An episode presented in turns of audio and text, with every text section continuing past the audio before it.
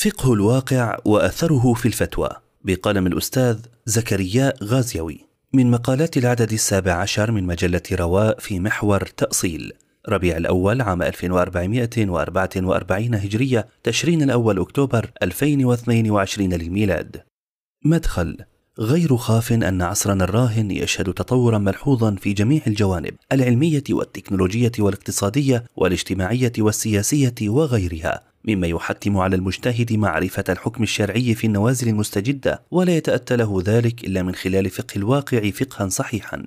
ولفقه الواقع أثر فعال في توجيه المجتمع الإسلامي توجيها سليما وربطه بأحكام الشريعة الإسلامية التي تعصمه من الانحراف والزلل وتقيه خطر الانزلاق والمروق عن الدين والخطل. لذلك كان لزاما على المجتهد المستنبط للحكم الشرعي معرفة الواقع معرفة صحيحة ومواكبته من جميع حيثياته لأنه يعين على استخراج الحكم الشرعي وتنزيله على الوقائع المستجدة التي لا يوجد نص صريح فيها. فما مدى أهمية فقه الواقع؟ وما أبرز الأمور المعينة على فهمه؟ هذا ما تناقشه هذه المقالة بحول الله انطلاقا مما يلي.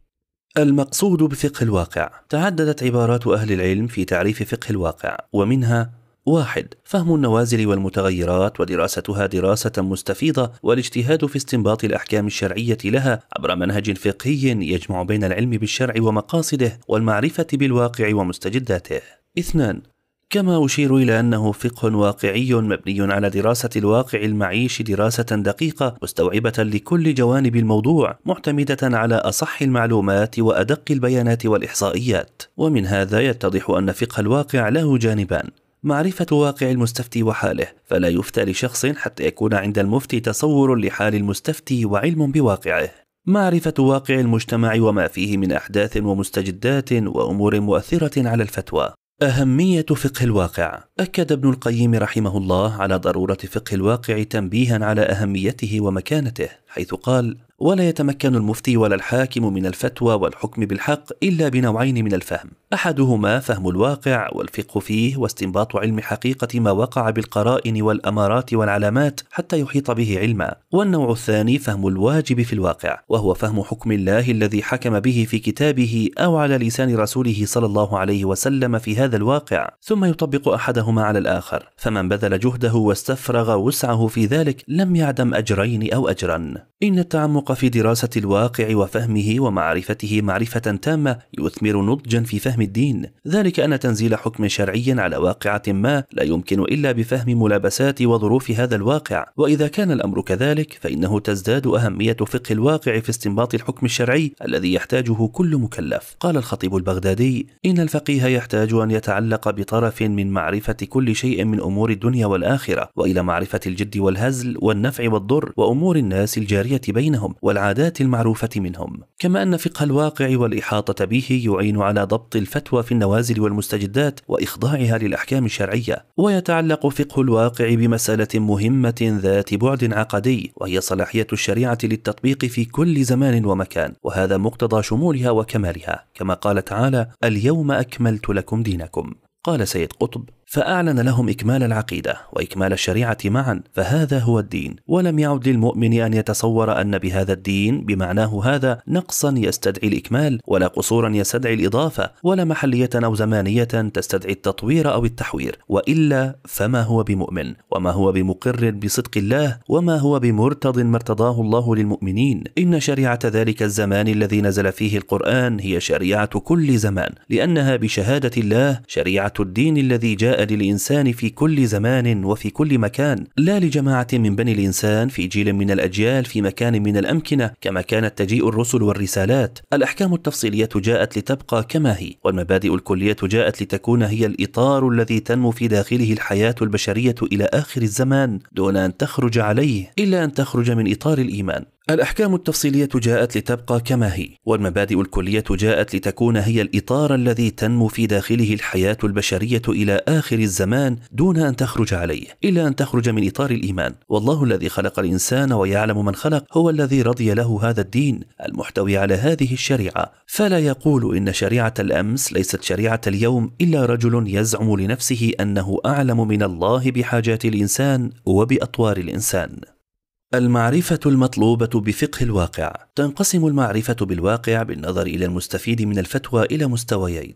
المستوى الأول الفتاوى ذات الطابع الخاص وقد تكون الخصوصية هنا فردية أو تخص تجمعا معينا أو مؤسسة أو جماعة من الناس تجمع بينهم الصفة التي يدور حولها فتوى المفتي أو حكم القاضي. وهنا ينبغي للمتصدر لتقديم الرأي الفقهي أو الفتوى أن يلم بواقع المستفيد وأحواله والجوانب المؤثرة فيه والفروق بينه وبين غيره بما يتم به المقصود كالسؤال والاستشارة والتحري. فقد أفتى ابن عباس عندما سأله رجل عن توبة القاتل بقوله لا توبة له وسأله آخر فقال له توبة. فلما استفسر منه جلساؤه قال أما الأول فرأيت في عينيه العزم على القتل وأما الثاني فجاء نادما بعد أن قتل فلم أقنطه من رحمة الله. المستوى الثاني الفتاوى ذات الطابع العام وهي الفتاوى التي تتضمن الإجابة عن النوازل المستجدة التي يعم أثرها عامة الأمة أو معظمها. وفي هذه الحالة لا بد من الاطلاع على آراء المتخصصين في النازلة بحسب نوعها طبية كانت أو اقتصادية أو سياسية أو غير ذلك. وإذا كان الفقيه هو الأعلم بالنصوص الشرعية والأصول الفقهية وقواعد الفتوى وأدواتها فتفاصيل المعاملات المالية يعرفها الاقتصاديون والأمراض ومتطلباتها يعرفها الأطباء وهكذا. وقد بين الونشريسي أن الناس يفزعون عند معرفة أحوال الناس وتقديم بعضهم على البعض إلى الاختصاصات ودقائق الزيادات في حسن الفضل وكمال الحال. فقه الواقع وعلاقته بأصول الفقه.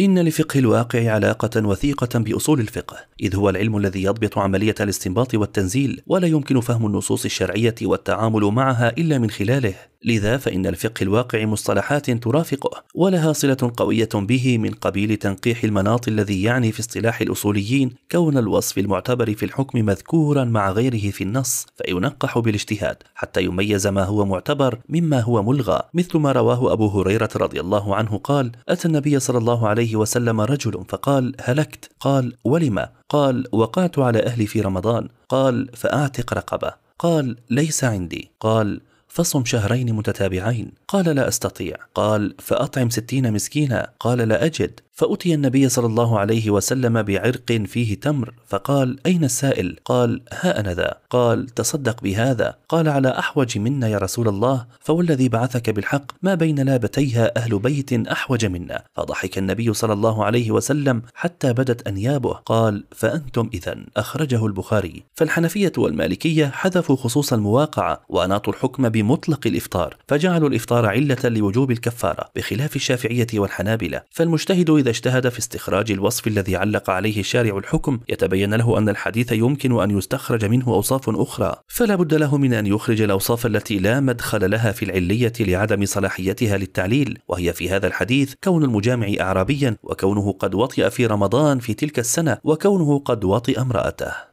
علاقة فقه الواقع بفقه الأحكام الشرعية. إن فقه الواقع ينتج عنه الوصول إلى الفقه الدقيق للحكم الشرعي والوصول إلى الحكم الشرعي بمثابة توقيع عن الله أحكم الحاكمين وعن الرسول الأمين صلوات ربي وسلامه عليه إلى يوم الدين. وعليه فلا بد أن يكون بعلم وإلا كان ضربا من الافتراء والكذب أو كان اتباعا للهوى والتعصب. والله تعالى يقول ولا تقولوا لما تصف ألسنتكم الكذب هذا حلال وهذا حرام لتفتروا على الله الكذب. إن الذين يفترون على الله الكذب لا يفلحون. ولذا فإن المجتهد يحتاج إلى بذل الجهد والوسع والطاقة من أجل تجلية الأحكام وتنزيلها على الوقائع الحادثة والمستجدة التي لا نص فيها صريح تنزيلا صحيحا. يتماشى مع قواعد الاجتهاد. ولا يمكن تقويم اعوجاج المجتمع الإسلامي إلا بضبط فقه الأحكام الشرعية مع مراعاة فقه الأولويات فيه. ذلك أن الله جل وعز لا يعبد بجهل وإنما يعبد بعلم. والأمة اليوم تعاني ما تعاني من أزمة عدم فقه الحكم الشرعي. فحينما نذهب إلى المساجد نجد تغييبا لكثير من المسائل الفقهية. وحينما نذهب إلى الأسواق نجد شيء نفسه. وفي المدارس والجامعات حدث ولا حرج. وهلم جرا في كل القطاعات نجد الفقه مغيبا. وقل من يعلم الحكم الشرعي في المسألة التي يريد أن يقدم عليها. أهمية الاستفادة من الوقائع الماضية وأعراف الناس. تعد الاستفادة من وقائع الماضي التي هي إما من قبيل السنن الكونية أو من قبيل المسائل التي عالجت قضايا عرفها المجتمع الإسلامي من قبل مهمة وضرورة بالنسبة للمجتهد الذي توجه إليه المسائل قصد الإجابة عنها لأنه سيبني معالجة واقعه على ضوء ما عولجت به تلك القضايا من قبل إن كانت مشابهة لها وهي بدون شك تفيد في فهم الحاضر وتسهم في بنائه بناء سليما وفي استشراف المستقبل. بعد ذلك تأتي طريقة معالجة قضايا الواقع وتعتمد أساسا على الاطلاع الواسع على أعراف الناس وعاداتهم وتقاليدهم لكي يميز المجتهد بين ما هو موافق للشرع فيعتمده. وبين ما هو مخالف له فيطرحه. ولا يتأتى تحرير محل النزاع ولا الفصل في أي حادثة تحدث للمجتمع الإسلامي إلا بعد بذل الجهد في معرفة العرف الصحيح لأنه هو المعتبر شرعا ومراعاته واجبة. كيف لا؟ وهو دليل مهم من الأدلة الإجمالية المعتمدة عند المالكية. قال ابن عاصم العرف ما يعرف بين الناس ومثله العادة دون باس ومقتضاهما معا مشروع في غير ما خالفه المشروع.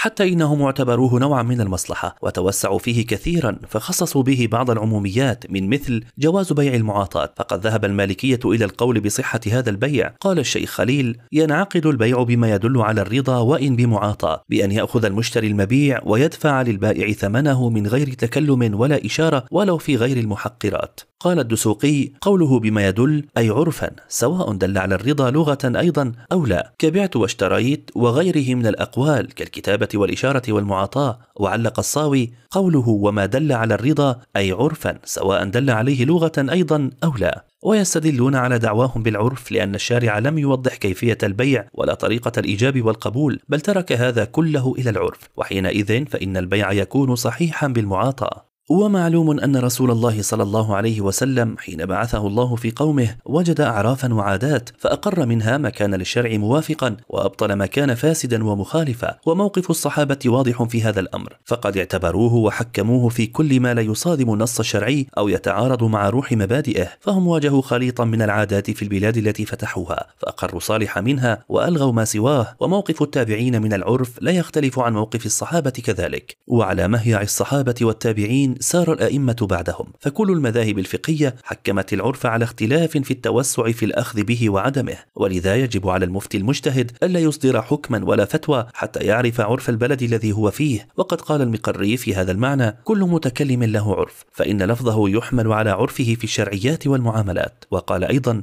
من تقررت له عادة عمل عليها. مثال على ما تقدم. إذا جرى عرف بعض الناس في الطلاق بلفظ التسميح بحيث لا يعرفون لهذا المعنى غيره فإذا قالت المرأة اسمح لي فقال سمحت لك فهذا صريح في الطلاق عندهم. وهذا باب عظيم. من لم يعرفه من المفتين أوسع الناس في الغلط وكذب على الله ورسوله وغير دينه وحرم ما أحله الله أو أحل ما حرمه الله وأوجب ما لم يوجبه الله.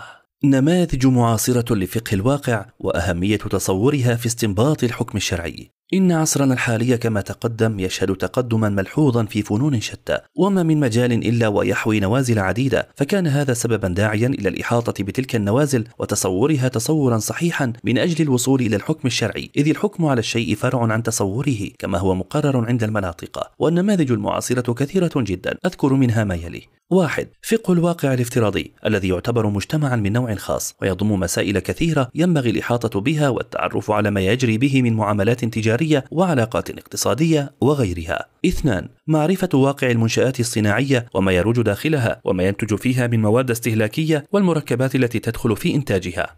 ثلاثة معرفة واقع المعاملات الاقتصادية المعاصرة وتفاصيلها الدقيقة ومداخلها ومخارجها. أربعة. معرفة واقع بعض المواد الدراسية بالجامعات وأثرها السلبي على الناس عموما والشباب على وجه الخصوص مثل مادة مقاربة النوع أو ما يسمى بالجندر وأثرها في الدعوة إلى الشذوذ الجنسي. خمسة معرفة واقع الهجرة خاصة هجرة الشباب إلى الديار الغربية وزواجهم بالكتابيات والذي لم يعد يحقق المقصد الذي أباحه الإسلام من أجله. ستة فقه واقع الأسواق وما يباع فيها ومختلف المعاملات التي تجري بداخلها سواء الأسواق الغذائية أو الأسواق الإلكترونية أو غيرهما. سبعة فقه واقع الأسرة وما تواجهه من تحديات ومشاكل. ثمانية فقه واقع الجيران على مستوى العمارات السكنية وما يحدث من مشاكل بسبب انتشار مد الفردانية. بعض الضوابط المهمة في فهم الواقع. إن من الأمور الضرورية التي تعين المجتهد على فهم الواقع أولا أن يكون المفتي متيقظا حذرا حتى يعرف الناس من جميع مستوياتهم ومن جميع حيثياتهم.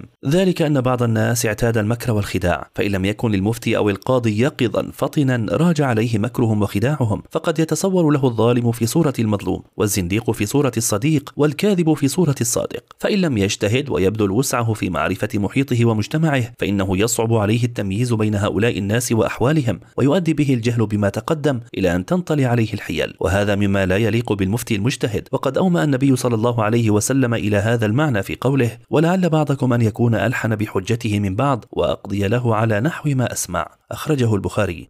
ثانيا دراسة نفسية المستفتي والجماعة التي يعيش فيها المفتي المجتهد ليعرف أثر الفتوى في مجتمعه سلبا وإيجابا. والمعهود عند فقهاء المالكية وغيرهم أنه لا يجوز للذي يهتم بالإجابة عن قضايا الناس الواقعة والمتوقعة أن يعالجها من غير أن يعرف عرف المجتمع الذي تنزل به تلك الوقائع والحوادث لأن الأحكام المبنية على الأعراف تتغير بتغير الزمان والمكان والإنسان. فإذا كان المجتهد يجهل حال الناس ربما أفتى بغير الصواب نتيجة جهله بعرف الناس. ومن أجل أهمية معرفة عرف الناس اشترط فقهاء المالكية في إقامة الجمعة بالنسبة للإمام أن يكون مقيما بحيث لا تصح الجمعة خلف مسافر على الرأي الصحيح وذلك حتى يطلع على ما يمكن معالجته من مستجدات الأسبوع. وذلك حتى يطلع على ما يمكن معالجته من مستجدات الأسبوع. ثالثا عدم الاستغراق في الواقع بحيث يكون الانشغال بتفاصيل الحياة اليومية ودقائقها مستغرقا لغالب الوقت والجهد أو غالبا على دراسة العلم الشرعي والتبحر فيه. ويكفي فيه ما يوضح الصورة ويوصل العلم ويرفع الجهالة ومما يغني عن الاستغراق فيه استشارة المتخصصين وسؤالهم كما هو حاصل في المجامع الفقهية ومجامع الفتوى من استشارة المتخصصين وسؤالهم في تصوير الواقعة وفهمها. رابعا عدم استغراق جميع المجتهدين فيه فليس المطلوب من جميع جميع المجتهدين وطلبة العلم أن ينشغلوا بمتابعة تفاصيل الواقع ومجرياته إذ يكفي لذلك إحاطة فريق منهم كما قال تعالى وما كان المؤمنون لينفروا كافة فلولا نفر من كل فرقة منهم طائفة ليتفقهوا في الدين ولينذروا قومهم إذا رجعوا إليهم لعلهم يحذرون.